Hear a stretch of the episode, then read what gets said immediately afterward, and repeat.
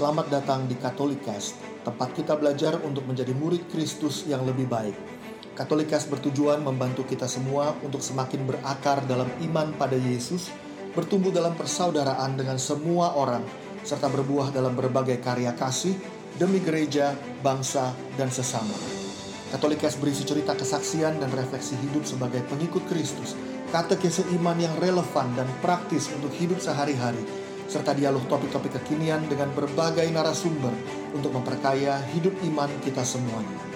Selamat mendengarkan, Tuhan memberkati.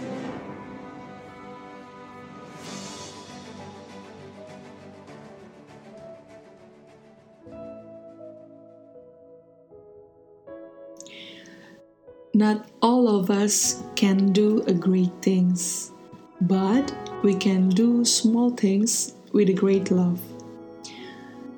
Hai, saya Ladies, dan tadi adalah satu quotes yang saya selalu ingat dan selalu saya tanam dalam hati apa yang our saint Mother Teresa katakan. Gak semua orang memang bisa ngelakuin hal yang besar, hal yang hebat, tapi Mother Teresa katakan kamu bisa kok lakuin hal yang kecil, tapi dengan cinta yang besar. Itu yang saya coba lakuin sebagai seorang ladies.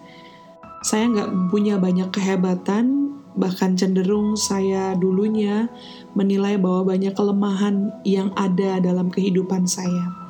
Ternyata ada satu peristiwa dalam hidup saya yang mengubah pandangan saya bahwa ternyata saya ini bisa mulai melakukan hal yang kecil namun dengan cinta yang besar. Kapan hal itu terjadi? Adalah waktu saya masuk di dalam komunitas.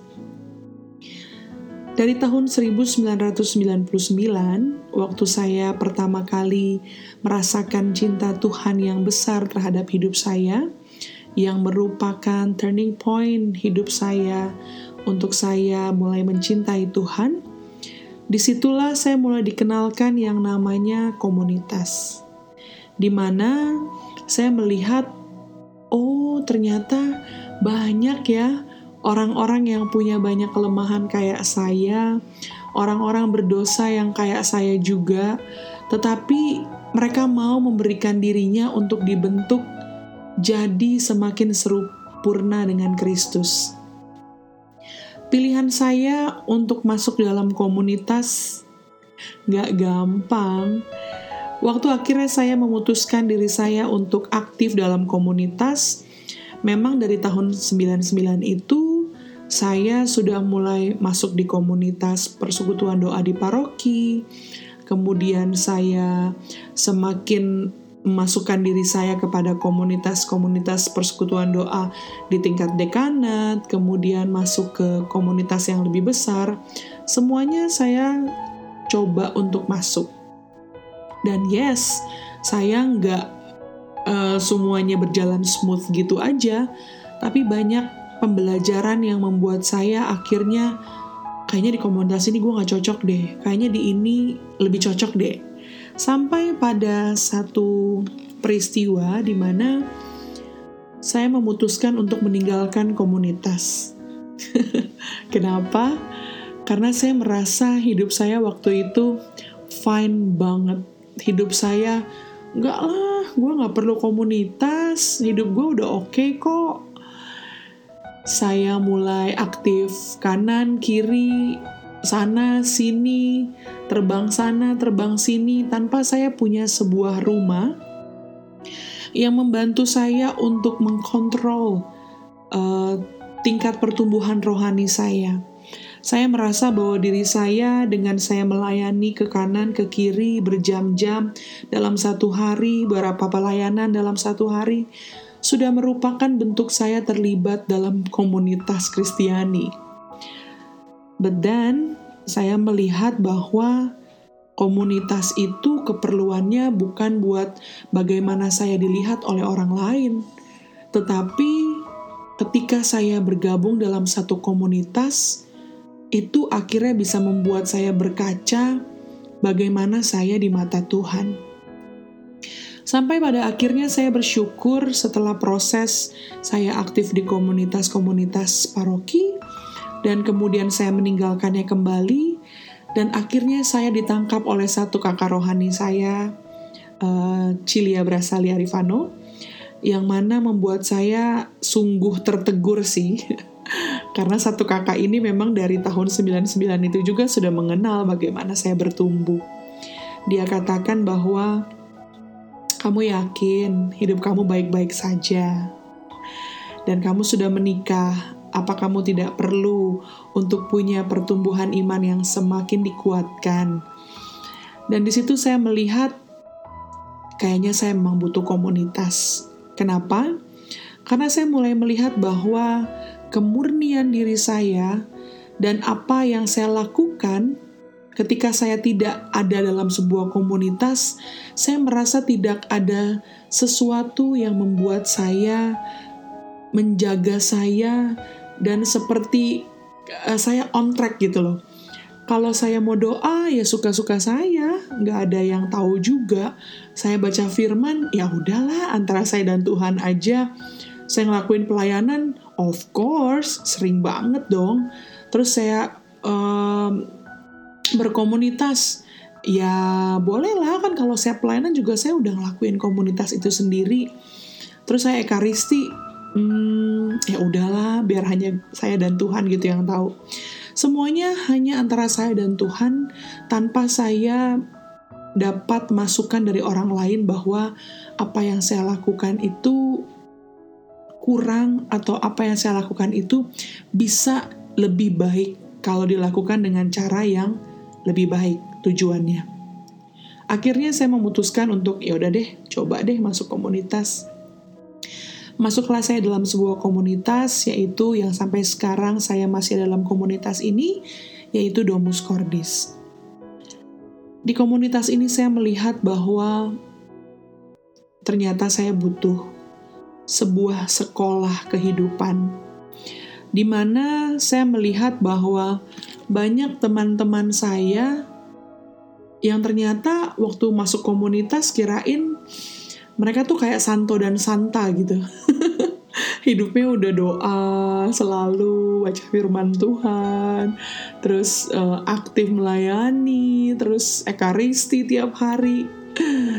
Ternyata, hmm, saya ketemu uh, bener-bener keluarga yang gue nggak ngerasa berdoa, nggak ngerasa berdosa sendirian. Di situlah saya mulai merasa diri saya diterima. Ternyata saya menilai selama ini bahwa masuk komunitas secara serius tuh kirain tuh bakalan ngebosenin banget. Ternyata bosenin sih, tapi lebih ngebosenin kalau saya nggak join komunitas. Yang mau saya katakan adalah roda pertumbuhan kehidupan iman saya bergerak dengan sangat indah dengan roda yang bulat. Waktu saya belum join komunitas tuh saya berasa roda pertumbuhan iman saya tuh kotak. Ya kadang di bawah stuck, abis itu maju lagi stuck gitu kan. Kalau ada di komunitas tuh saya ngerasa rodanya tuh bulat gitu loh. Jadi kayak jalan terus jalan terus walaupun jalannya pelan, tapi dia tetap jalan, dia tetap jalan gitu loh. Lebih enak. Kenapa? Karena saya dipantau oleh teman-teman satu sel saya bagaimana hidup roh, uh, rohani saya, mulai dari doa, mulai dari firman, bagaimana saya melayani, bagaimana saya uh, hidup dalam ekaristi, saya terima sakramen pengakuan dosa yang ternyata itu harus saya terima sebulan sekali, di mana saya ikut misa itu ternyata nggak cukup seminggu sekali, di mana banyak hal yang ternyata saya harus lakukan lebih. Dan ternyata waktu kita kasih lebih, Tuhan juga kasih ke kita kepercayaan untuk kita ngelakuin hal yang lebih dari biasanya. So, saya bersyukur banget Tuhan bawa saya dalam sebuah komunitas ini.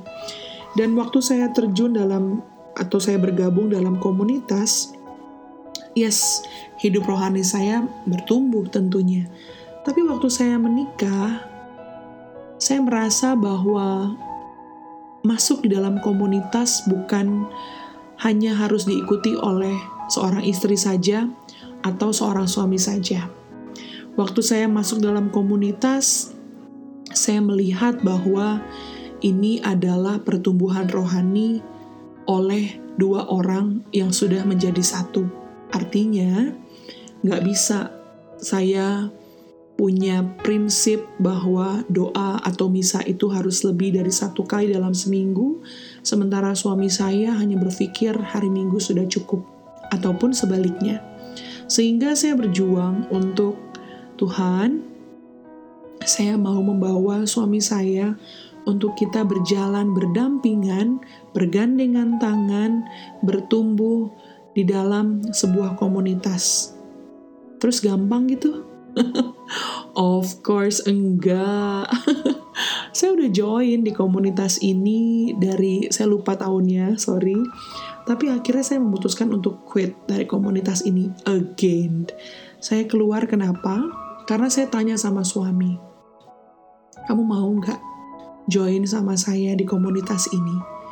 Dan dia mengatakan saya belum berani katakan itu. Why? Karena nggak cocok sama saya. Saya nggak tahu saya bisa diterima di situ apa enggak. Dan setelah pembicaraan saya dengan kakak rohani saya, saya katakan bagaimana saya harus bersikap. Dia katakan, kamu harus taat dan tunduk sama suami. Gampang gitu?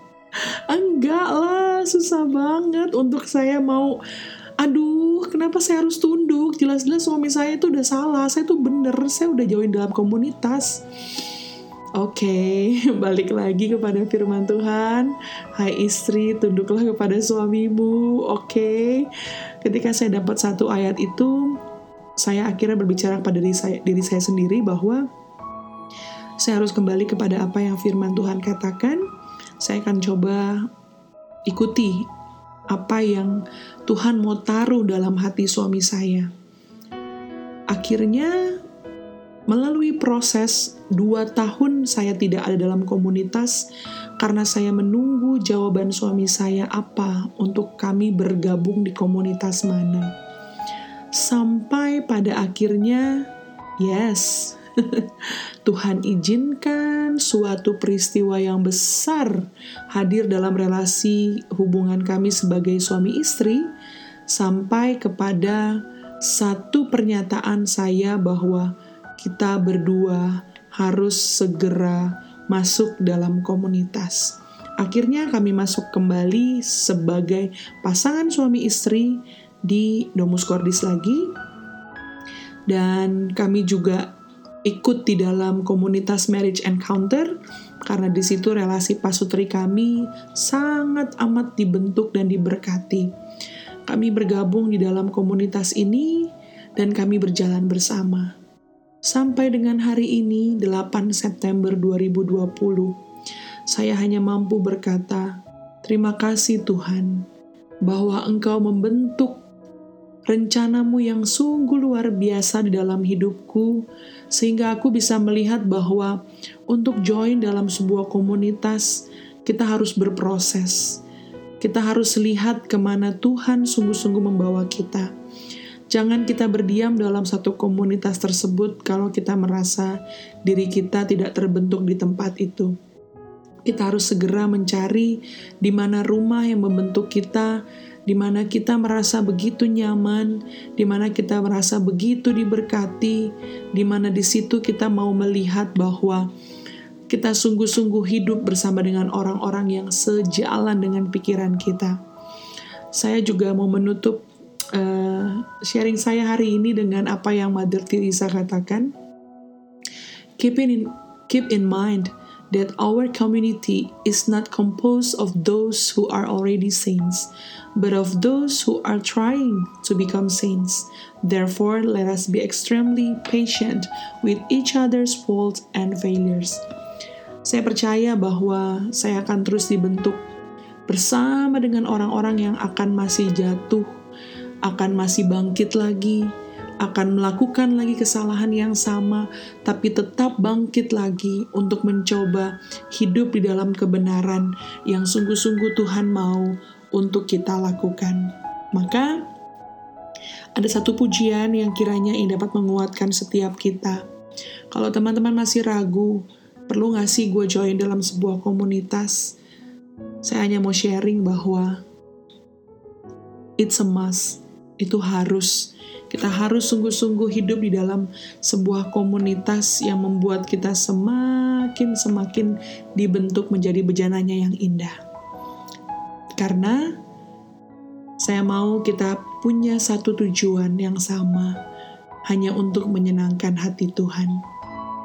Kiranya apa yang saya sharingkan ini menginspirasi Anda sekalian, dan mari kita bersama-sama minta Tuhan agar membentuk hati kita jadi bejana yang bagai emas murni. Tuhan, ku mau menyenangkanmu. Tuhan, bentuklah hati ini jadi bejana untuk hormatmu cemerlang bagai emas murni. Tuhan, ku serahkan hatiku. Semua ku berikan padamu. Kuduskan hingga tulus selalu agar aku menyenangkanmu. Menyenangkanmu senangkanmu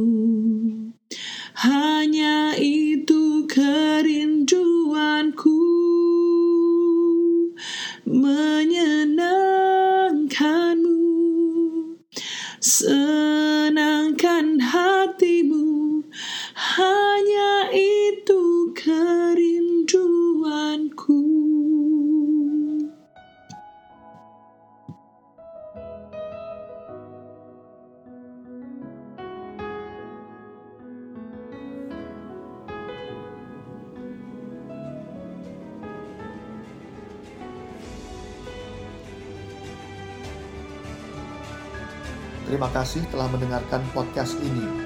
Jangan lupa untuk berbagi Katolikes kepada para sahabat dan kenalan kita, supaya semakin banyak orang mengenal kabar gembira Tuhan Yesus dan mengalami kasihnya yang memulihkan, menguatkan, dan memberkati. Sampai jumpa di episode Katolikes yang lain.